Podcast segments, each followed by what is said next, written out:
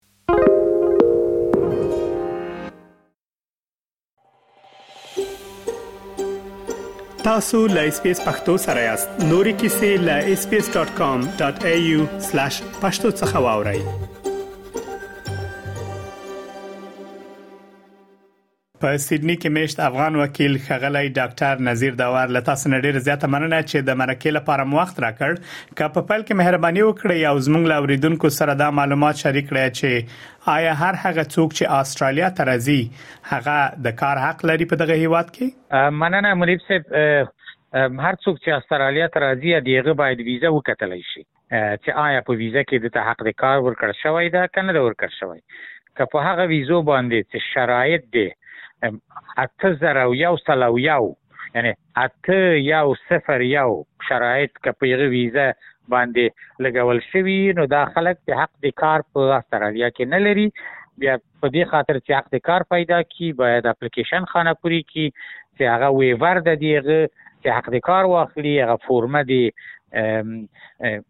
یو زر او پنځه باید خانه پوری کی ولیکن هغه کسان چې دغه شرط په خپل ویزه باندې نه لري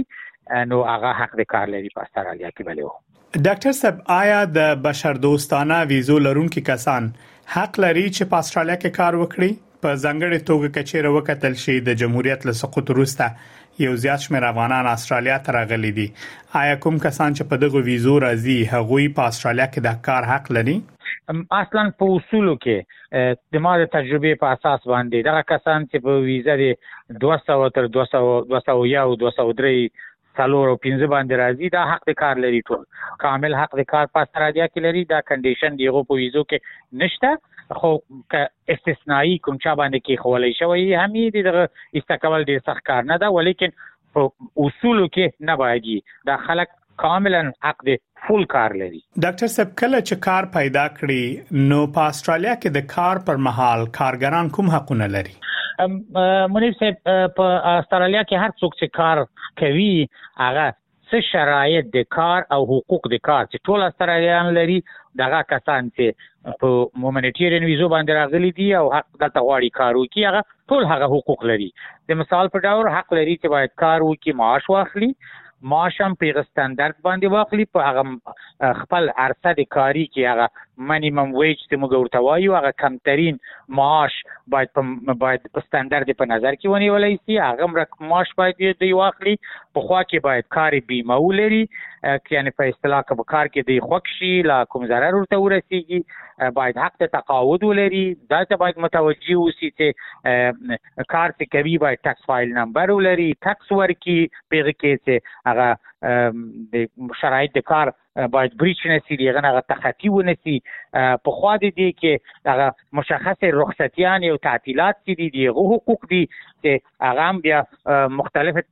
تعطیلات موږ لرو رخصتیان لرو چې هغه کلنۍ رخصتیان دي رسمي رخصتیان دي چې مثلا رسمي ورځ د تعطیلات دی په وطن کې او بل شخصي استفادې لپاره ځینې رخصتیان دي چې یو کار لري ماشوم د مریض ده یو چیرته اپاینټمنټ د ډاکټر سره لري لا نورې چې دغه کې په اصطلاح حقوق هم سره ورکول کیږي معاش هم اخلي بلکې رخصتي په قرارداد چې دوی کوي هغه قرارداد باید په شکل د درست باندې دوی وایي هغه ټول شیان باید په دې کې وي هغه او په خوا دې کې رخصتي دوی د بدون د حقوقو نه رخصتي نه ماخستای سي نو دغه دغه هغه شیان دي چې دوی باید په نظر کې ونیسي تقاعد باید ولري بیمه باید ولري معاش باید ته ورکړی سي د کار باید مسؤون ای بیمه باید ولري ډاکټر صاحب یو تعداد خلک په استرالیا کې په نقدو پیسو کار کوي کوم کسان چې په نقدو پیسو کار کوي کچيري د کار پر مهال دوی ژوبل شي نو له دوی سره څه کیږي که په دې اړه معلومات زموږ له اوریدونکو سره شریک کړئ. اول خو منیب صیب کش کار دا غیر قانونی کار ده. هر څوک چې ککش کار کوي هغه باید ای بی ان نمبر ولري چې یعنی د خپل هغه پیسې چې اخلي د خپل ټکس بیا دولت ته خپل ورکي او خپل هغه عاید راجستر کړي د دولت سره چې ما دومره کش کار کړی ده که کش بدون د د ټکس نوی نو که دوی راجستر کوي نو هغه بیا غیر قانوني ده نو په داسې یو حالت کې که دوی خپل په اصطلاح کش کار کوي او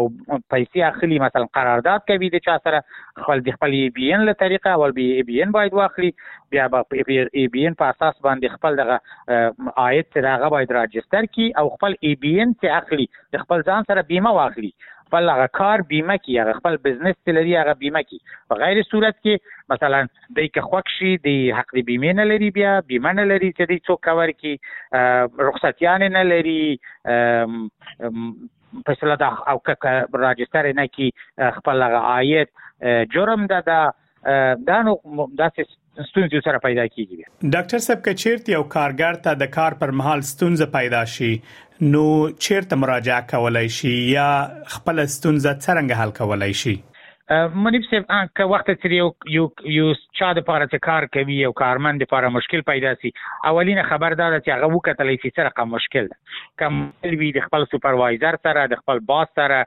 آمر د کار سره یو سره خبر یو چې کدی یو کینو بیا هغه خپل مربوطه جی کې چې کار کوي دی دیغه دیغه کارګرانو د اتحادیه سره د تماس ونیسي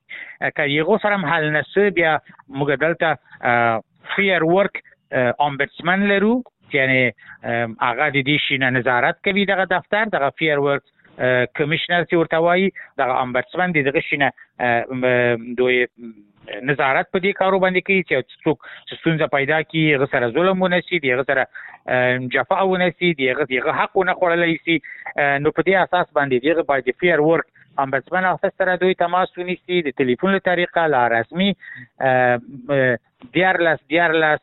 څلور نوي د دوی نمبر ده که څوک غواړي او که دوی په ژبه د انګلیسي باندې نه پیږي او ترجمان غواړي بیا دیغه د ترجمانی لپاره نمبر 141450 ده چې دغه نمبر ته باید دوی زنګ ووي او خپل مشکل وي چې دغه تاریخ نه هغه مداخله وکړي په مسأله کې د